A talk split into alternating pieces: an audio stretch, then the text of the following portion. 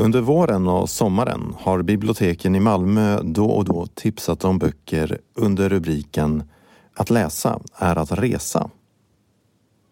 Jag skulle själv delta med ett boktips och började först att leta efter böcker som skildrade något som låg så långt ifrån min egen vardagshorisont som möjligt. Sen tänkte jag på böcker med sol och värme i. Både i Slas En vandring i solen och John Fowles Illusionisten är det väl ganska varmt i den grekiska solen. Eller tänkte jag på dem bara för att jag befann mig på en klippig strand i Kroatien när jag läste dem för många år sedan.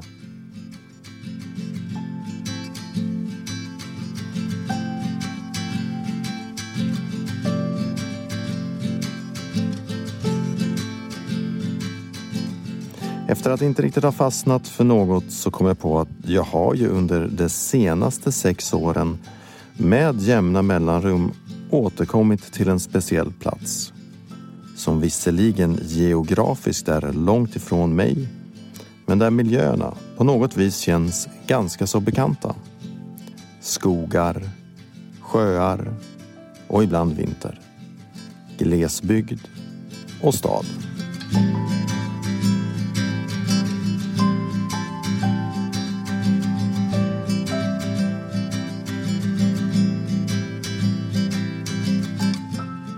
Det är författaren Lise Tremblay som tagit mig med till Kanada och provinsen Quebec i de fyra böcker som finns på svenska i översättning av Elin Svan. Böckerna är utgivna i ett litet format och är inte särskilt långa. Lätta att bära med sig på en resa alltså. Och i vintras kom det en ny liten bok av Tremblay och det blev dags för mig att resa mot Quebec igen.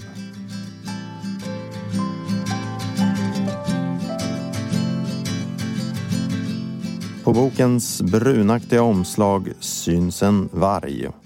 Eller kanske en hund, tänker jag sen. Djur är i alla fall titeln. Och vad handlar då den om?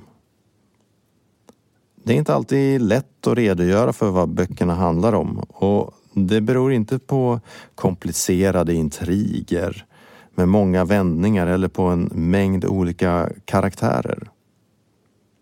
Det beror heller inte på att språket är särskilt dunkelt eller svårtytt. Tvärtom tycker jag. Tremblay skriver tydligt och enkelt. Jag hittar ett klipp på Youtube där hon själv berättar om boken.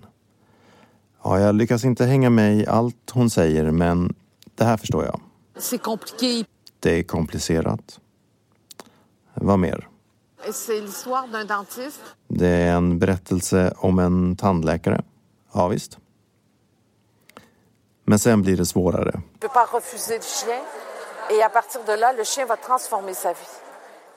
Min franska är helt klart inte vad den borde vara. Men eh, hon nämner ju den hund som tandläkaren av en slump får ta emot och som förändrar hans liv. Jag hinner också uppfatta att hon nämner landsbygden och något om fördomar. Ja, och på ett sätt så har hon där summerat handlingen i djur. Men boken är så mycket mer än handlingen. Vilket även gäller för alla hennes böcker. Det handlar väldigt mycket om stämningen tycker jag. Och hur hon lyckas få fram så mycket av så lite.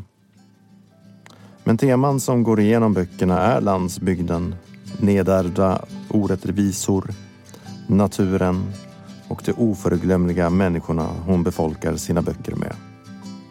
Och jag hoppas att det blir dags att ge mig av till Quebec ännu en gång om ett år eller två.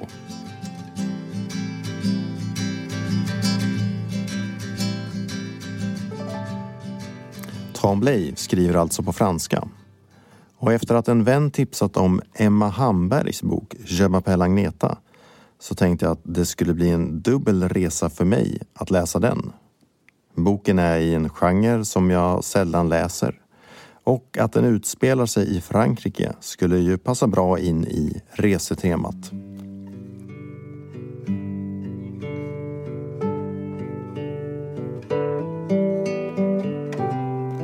Men jag lyckades inte genomföra den resan fullt ut utan lämnade huvudpersonen i den lilla byn i Provence.